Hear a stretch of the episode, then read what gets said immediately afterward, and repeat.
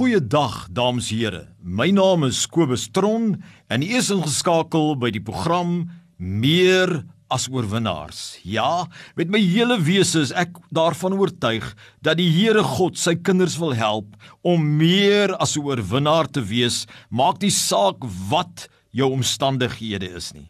Vandag het ek weer eens 'n boodskap wat ek glo die Here op my hart gelê het om in hierdie tydperk met u te deel.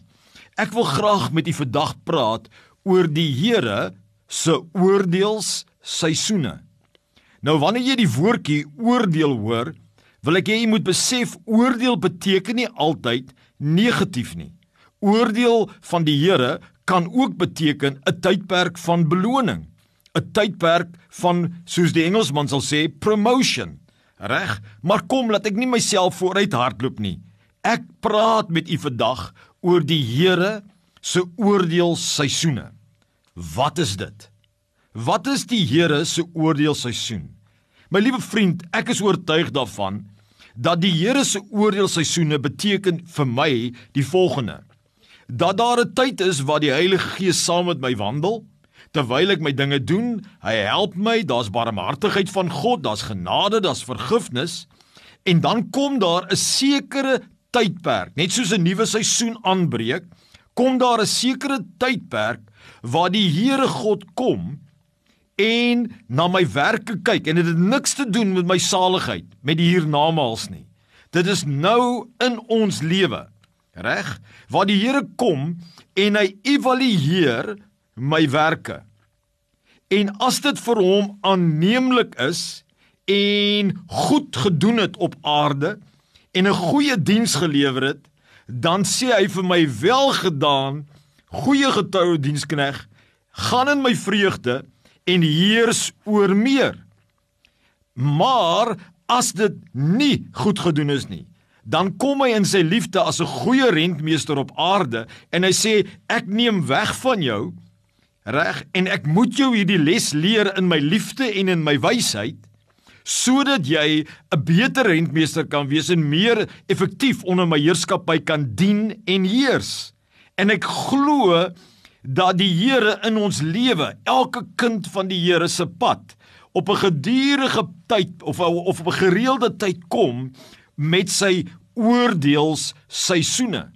In 1 Petrus 1 vers 17 spel dit baie duidelik uit dat die Here God sy kinders se se regter is. Ek wil net kyk gou luister gou saam met my. En as jy hom, hy praat met jou as kinders van God. En as jy hom as Vader aanroep wat sonder aanneming van die persoon oordeel volgens elkeen se werk, wandel dan in vrees gedurende die tyd van julle vreemdelingskap. Duidelik praat hy dat Vader daardie oordeel kom vel in in dieselfde boek 1 Petrus 4 vers 17. Praat praat Petrus as apostel en hy sê die volgende hy sê want die tyd is daar dat die oordeel moet begin by die huis van God. En as dit eers by ons begin, waar sal die einde wees van die wat aan die evangelie van God ongehoorsaam is. So my vriend, duidelik spel die Bybel dit uit dat daar gereelde seisoene kom waar die Here Jesus kom en ons werke evalueer en dan 'n oordeel vel wat of vir ons opneem in lyn met ons roepinge of van ons wegneem om vir ons duur lesse te leer. Jy weet, Baie kere dan sal mense miskien sê Kobus, wow, wow, wow. Is dit regtig wat die Here sê? Ek gaan vir jou net gou twee skrifbewyse gee om hierdie geweldige waarheid vas te lê. Die een is, net vinnig gaan lees dit vir jouself en dit is die sewe gemeentes in Openbaring. Elkeen is waar die Here kom in 'n seisoen evalueer en sê ek het jou werke geken, jy was lou. Ek het jou werke geken, jy was getrou. Omdat jy getrou is, gaan ek die deur oopmaak. Omdat jy ontrou is, gaan ek die deur toehou. Almekaar wys hy dan uit dat dit seisoene is van oordeel vir die gelowiges en ook vir die bedienaars. Reg. En dan as jy gaan kyk na die gelykenis van die talente in Matteus 25 vers 14, dan sê hy die koninkryk van God is soos die volgende. En hy praat van die man met die 5 talente wat 5 meer gemaak het en die 2 wat 2 talente nog meer gemaak het, die een wat dit begrawe het.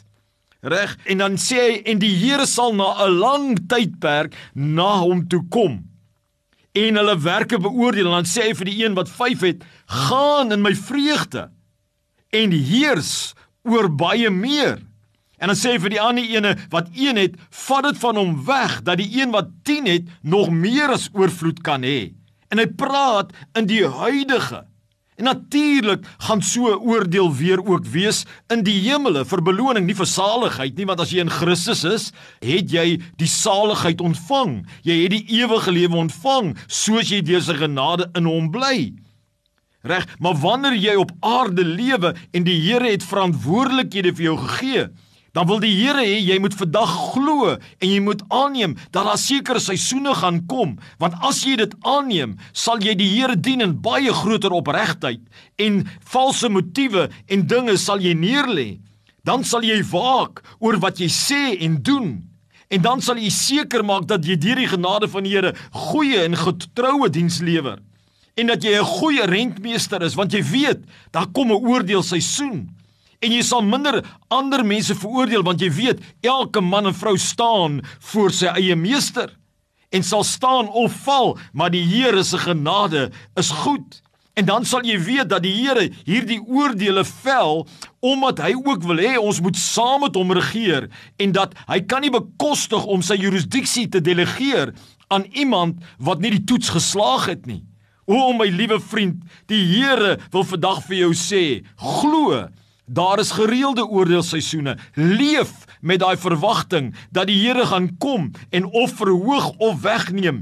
Maak seker dat jy goeie rentmeester is onder die heerskappy van die Here. Dit is ek wat ek glo die Here vandag met jou wil praat. God seën en mag jy van heerlikheid na heerlikheid gaan. Wanneer daai seisoene kom, mag die Here vir jou sê: "Welgedaan."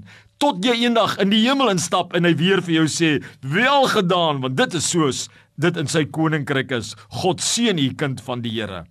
Amen